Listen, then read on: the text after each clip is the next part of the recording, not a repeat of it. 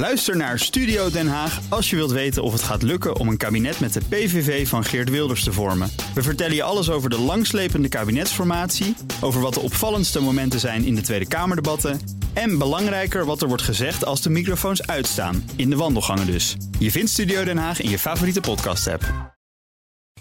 De column van Bernard Hammelburg. Ja hoor, daar gaan ze weer. Al die wereldleiders, gesponsorde economische orakels, goeroes uit het bedrijfsleven en een onafzienbare stoet meelopers en groupies. Op naar Davos. Maar alles chiquer is dan waar dan ook, inclusief de sneeuw die vermoedelijk vlok voor vlok door landschapsarchitecten is neergelegd. Het is een raadsel waarom mensen van wie we mogen aannemen dat het geen halve zolen zijn, zich elk jaar weer in de fuik laten lokken dat Wereld Economic Forum heet. Lid te zijn kom je er niet in en alleen het lidmaatschap kost al een halve ton. Klaus Schwab, de magrier van het forum, verkoopt ook het zogenoemde strategische lidmaatschap. Dat kost een half miljoen. Behalve het lidmaatschap moet je bovendien een toegangskaartje kopen, kostte 25.000 euro per persoon. Hoe verantwoorden al die kwispelende, champagne-nippende CEO's en CFO's die kosten aan hun aandeelhouders? Als er ooit eens iets zinvols of bruikbaars uit de jaarlijkse elitebijeenkomst in Davos zou komen, dan kon je er nog iets bij voorstellen. Maar jaar in jaar uit verschijnt er een of andere politieke ster die enorme koppen scoort en dan weer dooft.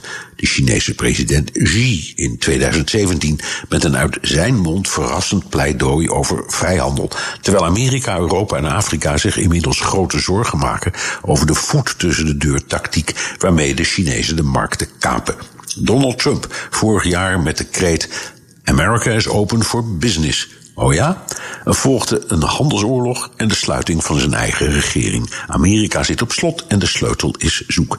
Of het wonderkind Macron, die daar voor de crème de la crème van Davos hoge ogen scoorde met een nieuw soort liberalisme dat inmiddels door de gele hesjes zowel als het bedrijfsleven is ontmaskerd. Terwijl de grote maatschappelijke problemen om een oplossing schreeuwen, globalisering, populisme, het milieu, de afkeer van de burger tegen het snobisme, zoals in Davos, gaat het forum dit jaar over technologische verandering. Niet over het dichten van de kloof tussen arm en rijk, niet over migratie niet over het groeiende wantrouwen, niet over de dreiging van rechts- of religieus extremisme, niet over de handelsoorlog, een nieuwe koude oorlog of een nieuwe hete oorlog. Hoe krijgt Klaus Schwab die 2000 betalende hotemetoten elk jaar weer bij elkaar? En welke regeringsleider, CEO of gesponsorde professor, meester, dokter durft het aan om op te staan en te roepen: nu is het genoeg. We stoppen met deze flauwekul.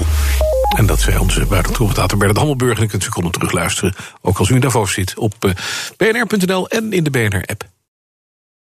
Ook Bas van Werven vind je in de BNR-app. Ja, je kunt live naar mij en Iwan luisteren tijdens de ochtendspits. Je krijgt een melding van Breaking News. En niet alleen onze podcast Ochtendnieuws, maar alle BNR-podcasts vind je in de app. Download nu de gratis BNR-app en blijf scherp.